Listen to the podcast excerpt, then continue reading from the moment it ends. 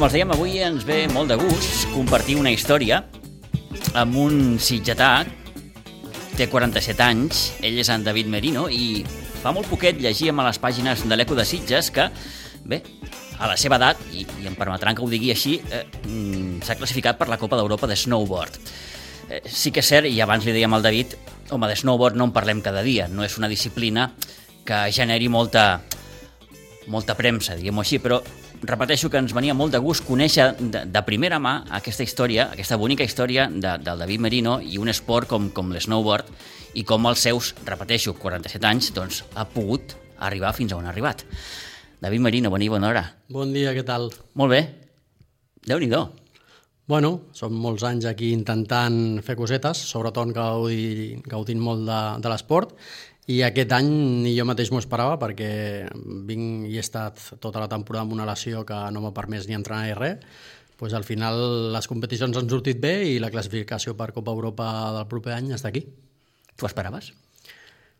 Sincerament aquest any no, perquè clar, eh, pensa que a nivell Copa Espanya eh, ens trobem gent aquest any sense anar més lluny, com que hi havia campionats del món a Geòrgia, a la primera Copa d'Espanya eh, teníem, em sembla que eren 14 corredors de nivell Copa del Món que venien pues, per rodar i entrenar una mica més de cara als mundials. Aleshores, eh, quan tens eh, 14 tios de Copa del Món, fer un 23, és el que em deia l'entrenador, ni tan mal, tenint en compte que tens nanos de 16, 17, 18 anys que estan amb, amb, amb ple rendiment, amb entrenadors, amb fisios, amb nutricionistes, amb beques, amb material, amb tot, amb 300 dies de, de l'any a les cames de neu, i arribar aquí i fer 3 dies de les tres competicions i el dia abans una hora, hora i mitja d'entrenament per no sobrecarregar les cervicals i poder competir el dia següent, Home, doncs eh, aquí ha sigut més... Aquest esport, mm, parlaves abans de snowboard, és snowboard, evidentment, però eh, vull puntualitzar una mica. Dintre de, la, de l'snowboard, la meva modalitat és Deuen l'snowboard haver cross. diferents modalitats. Correcte, vale? Aquesta modalitat, pels que no coneguin, ve ser, eh, el comparem molt nosaltres mateixos amb el motocross. Són pistes que els entrenaments i, i les classificatòries anem sols, però després les eliminatòries anem de 4 en 4 amb pistes que tenen salts, que tenen curves peraltades... Aleshores, és una disciplina que el cap, tenir el cap a puesto, t'ajuda més i no és tan, tan físic. Sí que, evidentment, has d'estar molt en forma, evidentment, però eh, et permet allargar més la, la carrera esportiva, no? Abans t'ensenyava una foto del Nick Baumgartner, el Nick Baumgartner, campió olímpic l'any passat amb 41 anys. Per aquí volia anar una miqueta, David, eh, si m'ho permets. Eh, tens 47 anys, ets un rar avis? Mm, Eh, normalment, eh, és el que et deia, en aquesta disciplina la gent ho va deixant més jove, més jove que jo. Mm. Avui en dia em sembla que ara ja sí que sóc el, el més veterano. Normalment sempre acostumem a posar l'edat límit dels esportistes, mm, clar, això depenent de l'esport que facis, què et diré, 40, 40 i pico. Sí, o inclús, mira, jo he fet natació aquí al Club Natació Sitges molts anys i jo havia anat aquí a nivell competició també això, i tots sabem, nedadors amb, amb 26-28 anys ja són avis, es pot dir, depèn Sí. l'esport. Sí, sí. Eh, aleshores, eh, dintre d'aquest món, eh, pues, tens alguns mega cracs mites d'aquest esport, com pot ser el Nate Holland, que va guanyar cinc vegades als X Games, que es va retirar també, em penso que en 42 o 43 anys. Eh, el Nick Baumgartner encara està aquí donant guerra, campió olímpic l'any passat en 41-42 anys. Ja són els menys, perquè també les lesions no respecten. Clar, quan... Clar, hi ha una càrrega aquí eh, de, Clar. de, de tots aquests anys, eh, Clar. en el teu cas, les cervicals. cervicals o caigudes que t'hagis pogut fer mal. Pensa una cosa, eh, eh, jo alguna vegada porto per veure el GPS velocitats per fer entrenaments i, i veure tables noves, provar ceres, que després si podem en parlarem, que és superimportant. Aleshores, eh, per mi és normal, quan acaba el dia, veure velocitats de 90-100 km hora. A sobre una taula d'uns esquís, qui vagi a la neu sabrà que això, hòstia, anar a 100 km hora sobre una taula per unes pistes, mm, si caus jo caic molt poc, eh? I toco fusta de no dir, caure. eh, però Tastar al terra, en aquest cas la neu, Clar, clar. A una velocitat important, poden, poden pots prendre mal. molt, molt de mal, perquè a vegades, a més a més, les pistes que correm nosaltres eh, normalment estan ben trepitjades i, el, i la neu està compactada perquè sigui més ràpida. Què vol dir? Que tens una caiguda en aquestes condicions i és com, com estimbar-te al terra a l'asfalt, quasi, quasi. La teva disciplina, per tant, David, us ho deies abans, no és tan sols mm, fer la baixadeta, sinó que tens eh, salts, tens uh -huh. corbes pronunciades, hi ha una mica de tot aquí. Correcte, correcte.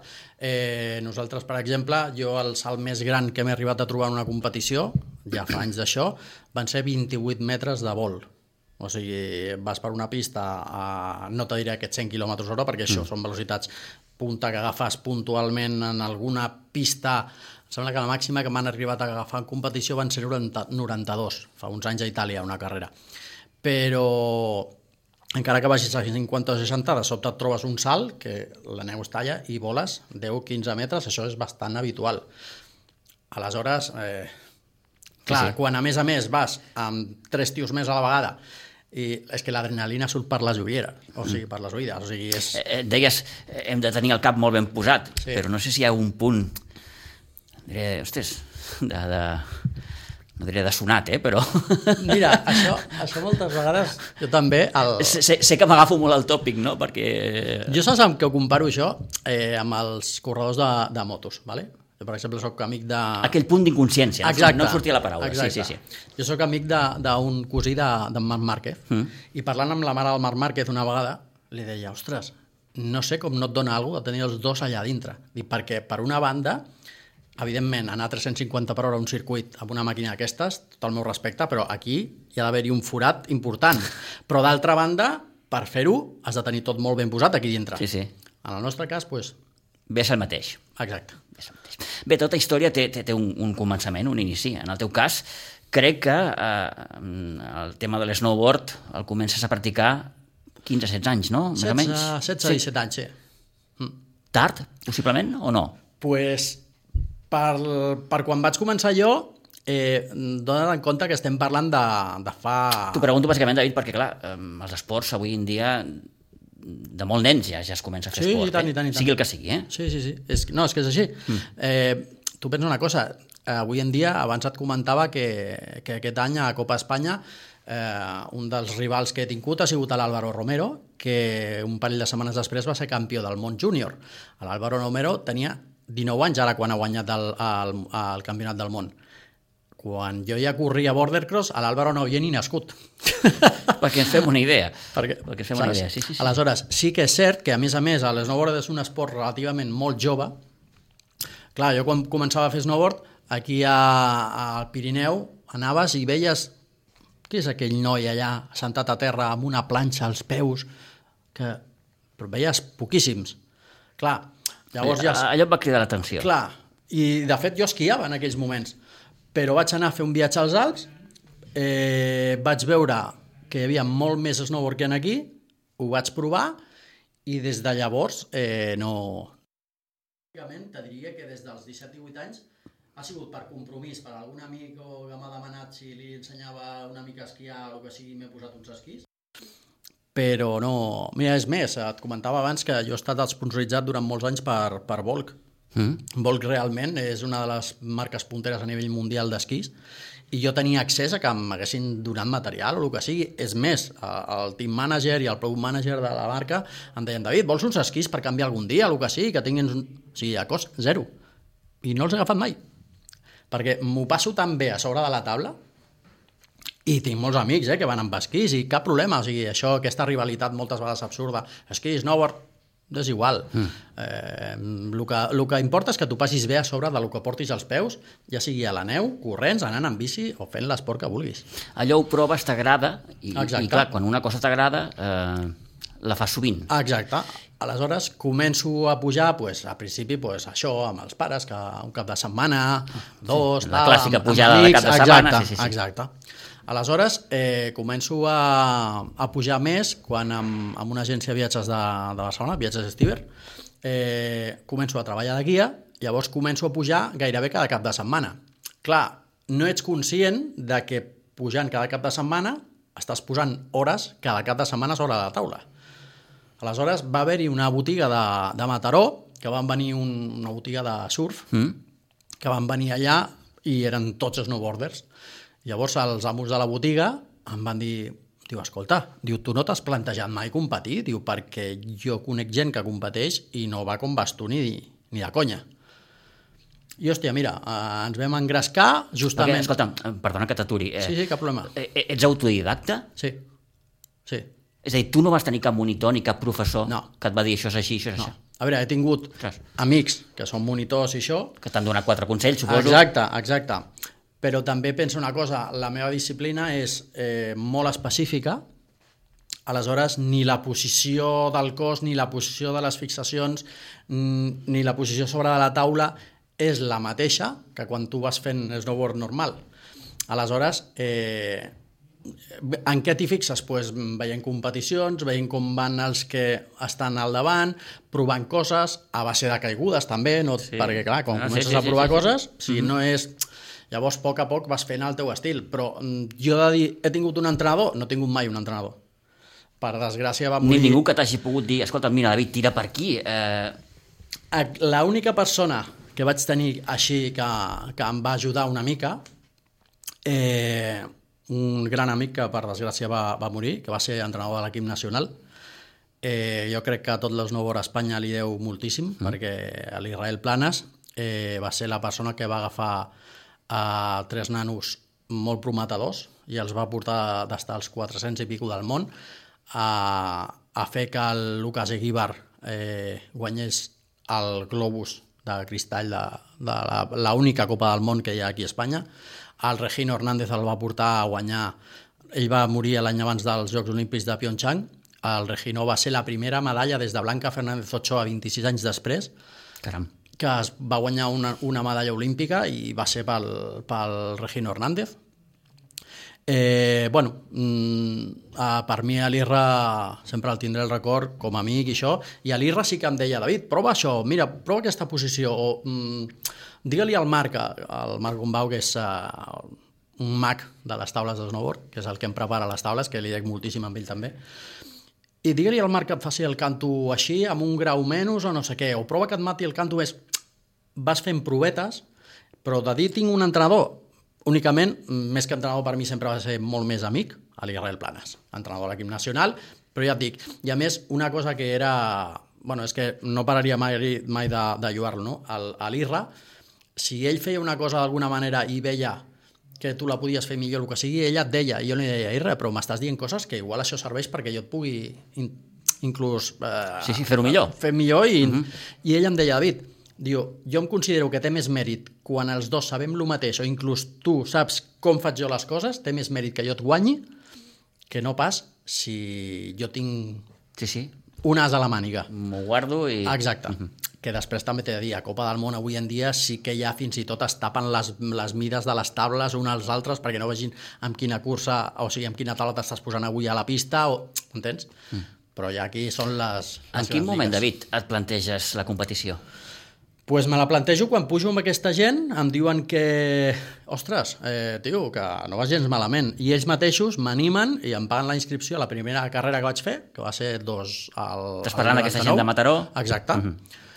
I ves per on, sense tenir una taula específica de la disciplina, sense haver fet mai una carrera, no sabia ni com funcionava. Jo vaig arribar la setmana següent allà, hola, mira, que m'he apuntat aquí a la carrera aquesta de, de border cross que hi ha. Ah, vale, pues té, vinga.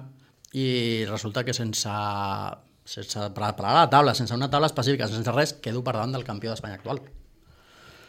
Aleshores, Uf. a partir d'aquí, ens plantegem de, ei, anem a intentar fer Aquí hi ha madera. Anem a intentar fer-ho bé, no? Anem a intentar fer pues, tot el circuit de, el circuit de snowboard de, que hi ha a Espanya, no? Espanya Pirineus. Llavors començo a córrer totes les proves puntuables pel circuit nacional, eh, les de Pirineu, eh, Andorra, Sierra Nevada, bueno, les que hi havia per aquí. Llavors aquest any, eh, sent el primer any, faig el, sembla que va ser el 14 del rànquing nacional, millor rookie de la història de l'esnowboard a Espanya, mai ningú havia estat per sota del 30 el primer any. Estem parlant d'anys en els que teníem al circuit nacional 120-130 tios corrents, perquè no sé si recordareu anys enrere que uh, hi havia els Valentines, Valentines uh, sponsoritzava molts Sí, events esportius, Sí, sí, sí. I llavors aquí te podries trobar gent eh, que venia d'Itàlia, que venia de França, que venien de tot arreu perquè hi havia, hi havia premi en metàl·lic cada carrera. Els 15 primers agafàvem alguna cosa. Aleshores, quan és un esport que no tens cap ajuda i dius eh, aquest cap de setmana el primer s'emporta 2.000 euros, Sí, sí. Mira, jo tinc, Els ulls et fan jo tinc una anècdota. Eh, hi, ha el, hi ha uns germans, els germans Paul Henry i Xavier de Leroux. El Xavier va ser campió del món diverses vegades i una vegada estàvem a Baqueira, jo estava a Baqueira eh, el divendres a la tarda fent, firmant la fitxa de sortida a l'oficina de carrera i truca ell que estaven sortint d'Itàlia, que venien a la carrera, que firmàvem demà al matí la, la, la fitxa de sortida dels dos germans. I la gent de l'organització li deia, però Xavier, vens des d'Itàlia, des dels Alps italians, a Baqueira, sense parar de conduir els dos per venir a competir, i van venir, van competir i van guanyar. O sigui, imagina't la pallissa, Sí, sí, sí, sí. saps? Aleshores, hòstia, tela. Bé, arriben les competicions, comences a veure que la cosa se't dona bé Sí, i a partir d'aquí suposo que ja et planteges reptes més importants. Clar, la, la història és aquesta, clar, quan estàs competint amb, amb aquesta gent i estàs tenint la sort, digue-li sort, digue-li buscar una miqueta, perquè també he de reconèixer això de la és relatiu, eh? Clar, clar. Jo sempre he dit que, mm, modestament, jo he arribat al món de l'esnowboard on he arribat perquè m'ho he pres més en sèrio que altra gent que potser tenia molt més talent a sobre de la taula. Però què passa? Les meves temporades començaven aquí a Sitges al juny-juliol, gimnàs, natació, dieta, posar-me a punt al màxim possible. Llavors, quan arribava la neu, començar a tocar neu des del pont de la Puríssima, que comencem a tenir neu aquí a Europa, i quan començaven les competicions, mitjanament estava bé en forma. Clar, això en tots els meus respectes i cadascú s'ho pot prendre com vulguis. Però si en, en comptes de fer això ets un noi que et dediques a viure la vida, a sortir de festa, a no fer res, i arriba a la competició, jo m'he arribat a trobar d'estar a una competició, gent que tu els veus a sobre de taula i deies, aquest m'arrencarà les pegatines, però és que fan una baixada d'entrenos, a la segona van esbufegant, i quan els hi toca fer la crono, jo surto de dalt i una baixada depèn com poden ser un minut, minut i alguna cosa. Jo arribo baix cansat, evidentment, perquè estàs donant, donant tot i en tensió, però jo arribo viu, entre cometes. I hi ha gent que els veus que s'acaben caient, tenint caigudes, o, o que arriben abans, a baix, Esgotats. desfondats. Sí, sí, sí. Que dius, potser si haguessis fet una miqueta més d'esport, mm, què passa? Que molta gent hi anava a les competicions en plan, m'ho passo bé i vaig a la carrera perquè hi ha diners. Ras, ras i curt. Si t'haguessis cuidat, noi, escolta'm, Exacte. Mm. Potser jo no hagués estat... Mm. Jo vaig arribar a estar al, al 3 del rànquing nacional per selecció olímpica a les Olimpiades de, de Torino i jo no hagués arribat allà si 8 o 10 tios més s'haguessin pres com jo. Però és això, és, mm, estic fent esports, em centro en fer l'esport i vull fer que em surti el millor possible. Mm -hmm. Després arribaré o no, però si m'hi poso, m'hi poso. Torino 2006, aquell somni. Correcte. Aquell somni, no? Ah. I va estar a prop, va estar a prop, perquè uh, aquell any a les Olimpiades de Torino van anar al, al Jordi Font i, al, i a l'Ivoni Dígoras. Eh, no sé, pel, si algun potser li sona una mica Jordi Font. Jordi Font va fer quart a les Olimpiades anteriors, a les de Torino. I, bueno, mm, la veritat és que bueno, va ser una pena, però no, no es va donar i, bueno, què hagués pogut fer? Mira, jo sempre en el món de l'esport dic eh, que no es pot dir mm, sí, hagués anat, però una data que sempre... Va ser per una qüestió estrictament esportiva? O... Sí, sí, sí. La federació va decidir que havien d'anar-hi dos i els dos que tenien el passe olímpic eren Ivoni Dioras i Jordi Font, res a dir. A més, he he de reconèixer que mai els he guanyat en una competició amb ells cara a cara. Amb la qual no, jo podia haver fet millor paper que l'Ivon o que el Jordi. No, per començar, mm, sempre m'han guanyat, o sigui, no els he guanyat mai, he de ser sincer, és així. Però una cosa que em va fer gràcia és que aquell any eh, a una de les carreres de, del circuit nacional aquí a... No sé, va ser Astun... No, sembla que va ser Baqueira, que va ser l'última que es va fer abans d'aquests Jocs Olímpics. Eh, jo vaig fer el 12 i el que va fer el 13 va ser Paul Henry de Leroux. Paul Henry de Leroux, a les Olimpiades, va fer bronze. Qui dius, hòstia, el tio que ha fet bronze aquí, jo el vaig guanyar, vaig quedar davant d'ell a l'última prova que vam fer a Copa Espanya. També t'he dic, és un esport que així com eh, altres esports, eh, el nivell i, i la sort és, és molt poc i és molt més el resultat de, de la teva tècnica. Sí, sí, un treball, d'un... Sí, sí. Eh, aquí moltes vegades hi ha la sort pel mig, perquè se't poden emportar pel davant, perquè pot ser que no encertis la cera aquell dia, l'esquiman no hagi estat encertat, eh, hi ha molts factors. Perdona, l'esquiman és la persona que... L'esquiman és la persona que et prepara que les et prepara taules. les, les, Exacte. les taules. Vale? Que això també, abans de deia, parlàvem amb el Marc Gombau, jo vaig arribar al Marc Gombau gràcies al, a l'Israel Planes i mai li estaré prou agraït perquè aquest home eh, el que m'ha ajudat a nivell tècnic, també a nivell preparació de taules i això, no està ni pagat, que és el menys important, però és que eh, sempre que he necessitat qualsevol cosa, consells, el que sigui, sempre És a dir, allà. aquesta persona que et prepara la taula Mm, en Marc. te la prepara perquè tu li dius com la vols Correcte. o hi ha una mica de tot. Ell et diu, escolta'm, És- David, és que hi ha una mica tira per tot. aquí, tira per allà, fes ha- això. T'explico. Moltes És un vegades... 50-50. Sí, més que res, parlem una miqueta, eh, a veure què et sembla, com creiem que estarà la neu, la humitat ambiental, la temperatura, eh, perquè és que la gent moltes vegades quan li parlo que encerem les tables i li ensenyo la caixa de ceres que tinc i de tot, la gent es queda com dient, eh? Perquè tu a un, a un esquiador li dius, quan encerat per última vegada? Et diu, ah, igual t'encera una vegada, dues vegades l'any. Jo encero cada dia, cada dia. Cada dia. Cada dia. La cera realment el que corre és l'estructura de, la, de la taula ben, ben hidratada, no la cera. I igual eh, de vegades passa, estem en una competició, pel matí està molt dura, després comença a sortir el sol, la neu comença a transformar i tornem a encerar i fas un encerat cada vegada que has de fer una, una baixada perquè això és tan important la mà de l'esquiman. Com diu el Marc, moltes vegades riem junts, perquè, clar, si jo me'n vaig avui cap a Sierra Nevada a córrer d'aquí a una setmana la, el Campionat d'Espanya, podem mirar la previsió, però no sabem ni la temperatura que farà, ni la humitat ambiental, el tant per cent de la humitat ambiental que trobarem, ni res. Llavors, moltes vegades, com diu el Marc, que és un si l'encerto, l'endevino. M'entens? Sí, sí. I el dia que l'encertes, la taula vola, i el dia que no, pues, ja l'entreno, veus que et passaran per tot arreu i que aquí llavors ha de ser tècnica, posar la taula plana, que no toquis canto i pregar perquè els altres tampoc l'encertin gaire amb la cera. Clar, què passa? No vius precisament en un lloc on puguis Clar. anar a la muntanya i... Aquesta és l'altra. Jo Eh, tinc a on entrenes. David? Mira, jo vaig tenir la gran sort que amb, a l'entrar a, a, a formar part de l'equip Volk, eh, tots els, els equips, les marques punteres en el món de, de l'esquí i l'snowboard, de fa anys, eh, Gran Valira és una estació que, a més de treballar molt bé la neu, eh, la veritat és que eh, ho munten molt bé de cara a tenir i a treure esportistes. Això, gran part d'això se li ha d'agrair al senyor Enric Bonveí. A l'Enric, eh, la seva filosofia és vull tenir gent que li facilitem el que pugui entrenar, el que pugui competir, el que pugui créixer, Aleshores, eh, les marques enviaven eh, un, un llistat dels seus corredors oficials d'esquí i snowboard. Llavors, aquests corredors teníem, penso que encara es fa, no ho sé, no estic segur, però eh, tenen o teníem eh, el que es deia el Forfait Pro Rider.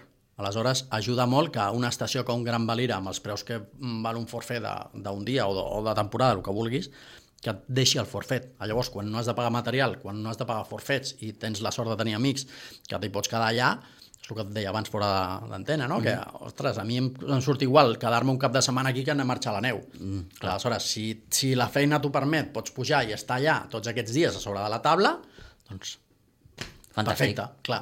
I és el que et fa pujar de nivell. Hi ha un moment, però, que et planteges, crec, marxar als Estats Units, Sí, concretament a Canadà. a Canadà. Sí, va ser, Per què? bueno, uh, va ser l'any justament preolímpic, és el que parlàvem, 2005, jo vaig estar pels estudis, m'estava estava fent la meva carrera, llavors aquell any va ser una mica un parèntesi, vaig venir únic- únicament a les competicions, però estava vivint a Irlanda, me'n vaig anar a viure a Irlanda, i llavors un, un d'aquests amics eh, estrangers, Jesse J. Anderson, un tio que va ser campió del món també, un canadenc, em deia, tio, diu, per què no et planteges de venir aquí a viure a, a Canadà? Aquí ja saps que el que és eh, Nord-Amèrica, l'esport es viu d'una altra manera, aquí podries tenir ajudes. I vaig estar plantejant-me el tema, però bueno, per un tema familiar, havia estat un any vivint a, a Irlanda, no volia estar lluny de la família durant molt més de temps, uh -huh. aleshores no me'n penedeixo, eh? Em va- Em vaig quedar aquí, vaig Sí, continuar... sí, en aquell moment havies de aquí. prendre la decisió. Exacte. I, però hagués sigut potser una altra manera d'enfocar la carrera i que haguessin vingut resultats? No ho sé, és el que et deia abans. Jo puc dir que avui he fet això, he arribat a les fites que he arribat, eh, vaig arribar a ser campió nacional d'Andorra, eh, estic barallant-me durant molts anys eh, per estar entre els top 8, top 10 de, del rànquing nacional, que tenint en compte que tenim a, a 4 o 5 nanos corrents Copa del Món, doncs jo crec que mal no està. Ara t'ho anava a dir. Saps? Aleshores, eh, bueno, pues ja està, va ser així i ja està. Estic molt content de tot el que he fet, agraït a tota la gent que m'ha pogut ajudar com m'han pogut, a l'Armand Majoral en Volc, al Marc Gombau preparant-me les tables, que a més a més no és una taula, perquè nosaltres pensa que anem amb una taula per a entrenament i reconeixement. Quantes en tens? Ara mateix? Sí. 16. 16. no sé si és molt o poc, no sé. No, no Bueno. t'ho sabria dir. Bueno, eh, per qui fa snowboard a nivell, com dic jo, amateur, va passar el, el diumenge o el cap de setmana o inclús va un parell de setmanes senceres mm. blanques a la neu, això, i dius això, quan, la gent quan ve a casa, eh, hola, però quantes tens? Em diuen això, saps? Clar, Tu pensa una cosa, jo vaig a una competició i si alguna vegada coincideixes a la neu en una competició de snowboard veuràs que el rider, el, el corredor, va amb la taula que porta els peus, que és la, la taula de transició, que és per pujar i arribar fins a la pista. Després, una taula amb la que fem el reconeixement que ha de ser, el reconeixement i l'entrenament que ha de ser de les mateixes característiques que la taula amb la que correràs. Perquè, clar, tu no pots baixar en uns entrenos i després que tinguis unes Ja altres dues. sensacions. Clar, i després la que fas servir per córrer. És a dir, 3. Això per anar a una competició normaleta. Mm. Que aquí ve quan, el que parlàvem abans de- d'encarar la Copa Europa. Si jo ara he de començar a pensar a la Copa Europa, mínim necessito tres tables noves per l'any que ve. Estàs parlant de tables que se te'n van cap als 2.000 euros per taula. Què representa eh, als teus 47 anys classificar-te per la Copa d'Europa? Home, a nivell, a nivell personal en quant a reconeixement per mi mateix. O sigui, mira, jo sempre dic que, i, i això és un, un missatge que dono sobretot als pares, no del meu esport, sinó de qualsevol esport. Eh, està molt bé que un pare o una mare estimin un esport que han fet de joves i que els hi encanti que el seu fill, doncs, si has fet futbol, el teu fill vols que sigui el proper Messi, eh, si has fet bàsquet vols que el teu fill sigui el proper Pau Gasol. O sigui, està molt bé tot això. Però el teu fill és en Jordi, és en Josep, és el Raül, és ell, no és Messi. Llavors, eh, mira, això precisament va ser, va ser una mica d'orillo, no? perquè fa uns anys, amb un molt bon amic d'Astúries, el Javier, em parlava que, que el seu fill, que tenia 15-16 anys, eh, aquest nano va començar a córrer i al principi, com que jo era dels veteranos, em va venir a córrer, David, mira, t'importa si, si el Miguel ve amb tu i, podem, i pot fer unes baixades d'entrenament i de reconeixement amb tu perquè mai ha fet una carrera? Estem parlant que el nen tenia 10 anys, no? 10 anys. Sí, home, cap problema que vingui i tal. Llavors jo li ensenyava les traçades i una cosa i una altra. I quan tenia 15 anys, em sembla que, que va ser, un dia estàvem a Sierra Nevada, un campionat d'Espanya, em diu, cago en l'hòstia, diu, el Miguel ara està, que diu que prefereix quedar-se al poble amb els amics en comptes d'anar als Alps, ara que està a l'equip nacional de seguiment i que podria tirar amunt. I jo el vaig agafar, que no estava al nen davant, i vaig dir, eh, Javier, oi que ningú més que tu s'estima el teu fill? Tu què vols pel teu fill? Que sigui feliç, no? Si el teu fill Ha decidit això? ha decidit o prefereix quedar-se aquí, hòstia, David, és que són molts anys i molts diners i molt esforç per anar darrere, el material, els viatges... Sí, però oi que tu prefereixes que el teu fill sigui feliç? Eh, bueno, la conversa va quedar aquí. Malauradament, això va ser un mes de març, al maig li van diagnosticar un càncer i el Miguel va morir el 26 d'octubre d'aquest any passat. Aleshores, eh, ara parles amb el Javier i això que jo li deia, que li volia fer entendre, ho té claríssim, evidentment. Uh -huh. I la prova la té amb el germà del, del Miguel, que ara està començant a córrer una altra vegada, després de tot això. Jo aquell any, aquest any parlava amb ell i dic, eh, Javier, portaràs el Dani a, a competició? I em deia, pues no sé, perquè no està gaire motivat i tal, a veure què decideix, sense haver parlat amb ell. Sí, sí. I després, amb el Dani, quan va venir a la primera carrera, que va venir a Formigal, jo li deia, Dani, quin és el teu objectiu per aquesta carrera? I se'm queda així mirant, clar, eh, amb 12 anys, o 13 anys que té, que li diguis això a un nen, es queda fora de joc. I dic, mira, si quan el diumenge marxis cap a casa li estàs posant el cap com un timbal al teu pare i la teva mare al cotxe, el bé que tu has passat i que vols tornar encara que hagis fet l'últim, llavors ets el que millor s'ho ha passat aquest cap de setmana. És una mica la filosofia meva, Sí, sí, no? o, o lliçons de vida, digue-li com Exacte, vulguis. exacte. Sí, sí, sí, sí. Eh, eh, en aquest cas, eh, el teu equip ets tu. Bueno, Sí. ets tu, El Marc. Eh, el teu Skyman, Skiman, Skiman, Skiman. Eh, en- entrenador tens ara? Eh, no, No. tinc molt bons amics i que, de fet, aquest esport eh, té una cosa molt maca, que és que eh, arribem a una competició a nivell Copa Espanya i, hòstia, com has passat aquesta curva? O aquest mòdul l'has doblat? O no sé què? O, tu per on entraries? Pues, ai, vigila que aquí la neu està, està... Hi ha un bony aquí a l'entrada de la quarta curva, no sé què. Ens diem les coses, saps? Mm. Aleshores, moltes vegades aprenem dels comentaris que ens fem entre nosaltres. O sigui, que entrenador com a tal, no, jo mateix, però Bé, tens molts entrenadors. Exacte, Eh? exacte. Diguem que tots som entrenadors de tots, quasi, quasi. Ah, Exacte, exacte. Eh, i, I què vols ser de gran? Bona pregunta. Mira, amb el, amb el, amb el món de l'esnowboard, jo sempre dic que... Oh, David, t'ho pregunto d'una altra manera. Mm, Fins on, això? Clar, aquesta és la pregunta. Mm, Jo mentre m'ho estigui... Fins quan? No sé. estic, mentre m'ho estigui passant... Mira, el, el, el Gorka Lizaso, que és el, aquest nano que competia, que aquest any ho ha deixat ja perquè porta equips de, de competició ell també i això, i bueno, doncs, estava cansat de competir, ha deixat de córrer ara amb 51 anys.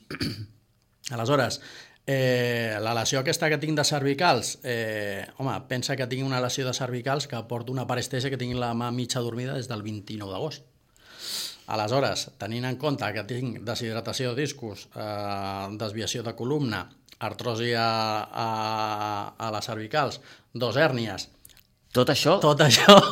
tot això producte de, de, de l'esport que fas. Bueno, no sé si d'aquest esport o de tota la vida en general, perquè a més de fer, de fer snowboard faig surf, eh, he fet molt de temps aquí al CrossFit Sitges, he fet crossfit aquí també, mm. em seny, eh, perquè el crossfit Sí, pot sí. arribar a ser lesiu, però si el fas bé és un esport que pot ser molt interessant i et pot ajudar molt per moltes coses. Bueno, i que, i que això, com deia el pare d'un amic, és del temps, del temps que fa que vam néixer. Ja. Sí, sí, sí, sí. allò de l'edat. Clar, clar. Sí. Aleshores, eh, mentre el cos m'aguanti, mentre, mentre pugui m'ho continuï passant bé a les competicions, i mentre hi hagi aquest bon ambient, pues, jo de moment sé que aquest any he anat i m'ho he passat de conya. Que l'any que ve tinc intenció de, com a mínim, repetir Copa Espanya i si estic físicament en condicions puc aconseguir ajustar els dies, entrenar i estar fi, m'animaré a anar, no sé si a totes, però m'agradaria intentar com a mínim anar a alguna d'aquestes proves de Copa Europa. Clar, el dispendi econòmic no és el mateix anar-me'n aquí a casa d'amics meus a Baqueira o a casa d'amics meus a Sierra Nevada que dir, ara m'he d'agafar un Tot avió... això sense patrocinador.